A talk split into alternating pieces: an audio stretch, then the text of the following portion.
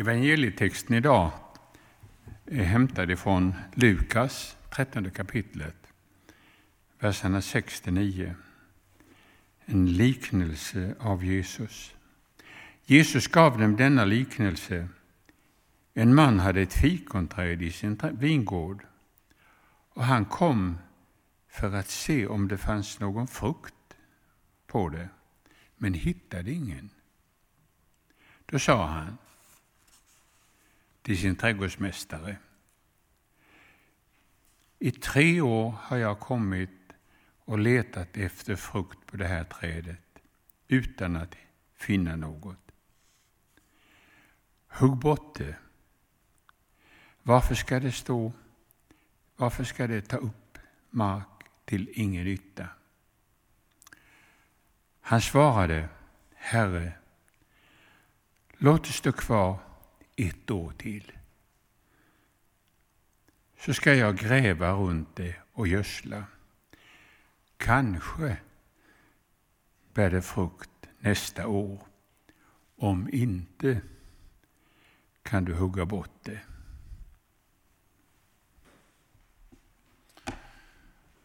En trädgårdsmästare som planterar ett fruktträd förväntar sig att det ska bära frukt inom några år. Ett fikonträd har en växttid på cirka tre år innan det blir fullt utvecklat. Om det inte har burit frukt under denna tid är chansen liten att det någon gång kommer att göra det. Ett träd som inte ger frukt utan bara suger näring ur jorden får inte stå kvar. Det huggs bort. Med den bakgrunden lär texten oss minst två saker. En ny chans. Fikonträdet som omtalas får en andra chans. Och I den bibliska berättelsen har vi samma mönster gång på gång. När Gud möter människor, David fick en ny möjlighet efter sitt äktenskapsbrott. Petrus fick förnyat förtroende sedan han förnekat Jesus. Och I Bibeln finns också exempel på att det inte sker bara vid ett tillfälle. Petrus fick börja om tillsammans med Jesus vid flera tillfällen i sitt liv. En sista chans. Allvaret finns dock där i texten. Det gäller att ta vara på tillfället. Den sista möjliga att vända om, om vi inte vet när. Ingen av oss vet hur långt liv vi får. Vad vi vet är att idag har vi livet som en gåva och nu är frälsningens dag, skriver Paulus i Andra Korinthierbrevet. Och det finns privilegierade, privilegierade moment i livet då vi alldeles särskilt sett inbjuds att börja på nytt. Nyåret är ett sådant moment. Även i vår tid har de flesta människor bevarat något av känslan för det hemlighetsfulla som sker när ett gammalt år avslutas. Ett nytt börjar.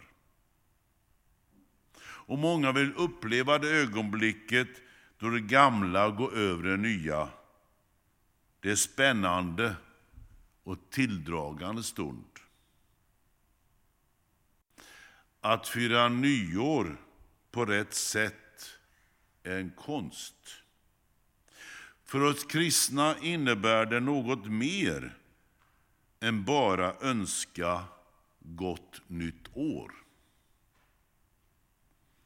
Se, jag gör allting nytt, säger Gud i Uppenbarelseboken. Vi får ta det nya på allvar. Vi får lita på Gud som ger nya möjligheter. Visar oss nya vägar, ingjuter en ny längtan. Det är något stort och vackert att ingenting i livet behöver vara stereotypt eller en upprepning av det gamla mönster och klichéer. Livet kan förnyas och oupphörligt förnyas om och om igen.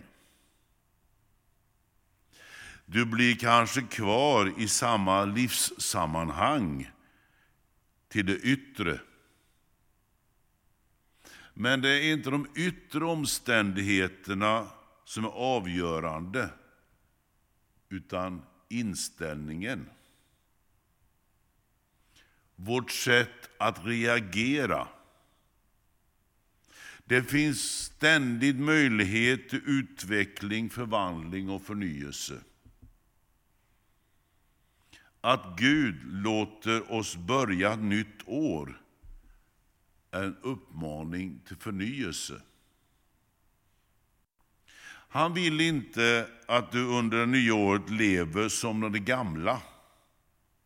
Han vill att du möter honom på kanske ett nytt sätt och liksom de människor han sänder i din väg.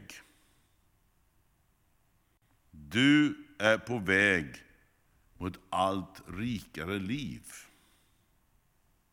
Att se medmänniskan, att se tiggaren utanför Maxi i ögonen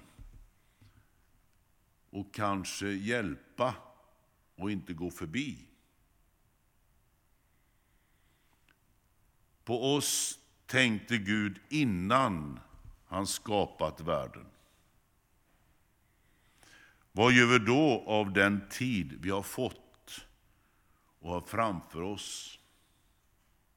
Vi ser framåt och fyller i våra almanackor i förväg. Redan innan det har hänt så har vi planerat vad som ska göras, vilka vi ska möta och vi gör minnesanteckningar inför framtiden. Kalendern i min mobil är min vän som kommer att fungera som ett minne och påminna mig vad jag ska göra de olika dagarna under Herrens år 2016. Och jag kommer känna mig olycklig när jag glömmer det ressällskapet, men den är också en pådrivare som jag ska jaga mig från plats till plats under kommande år. Ja, det där vet jag av erfarenhet, för så har det varit hittills. Men så vet jag också att de tomma dagarna i min kalender, som ännu inte är något skrivet på, är de nya möjligheterna. Erbjudan om att använda de tomma bladen på ett riktigt och välsignat sätt. Att fylla dem så att tiden används bättre. Egentligen är ett kalenderblad något mycket mer än just detta. Vi kan kalla det för ett livsblad ett litet avsnitt i livsboken och då blir det naturligtvis viktigare hur det bladet blir fyllt. Det är mitt ansvar varje dag. Vi kallar den tid vi har för nådatid. Ett talande uttryck som i sig innehåller allvar men också löften. Jag vilar i det skaparord där sekler är sekunder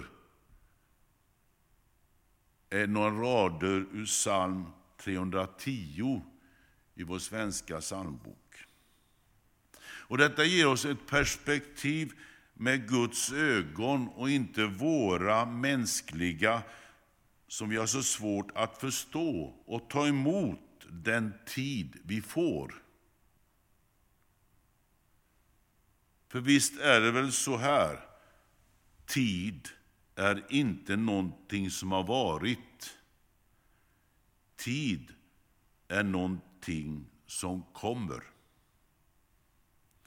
Framtiden, ett land, men vi har inte någon karta över den.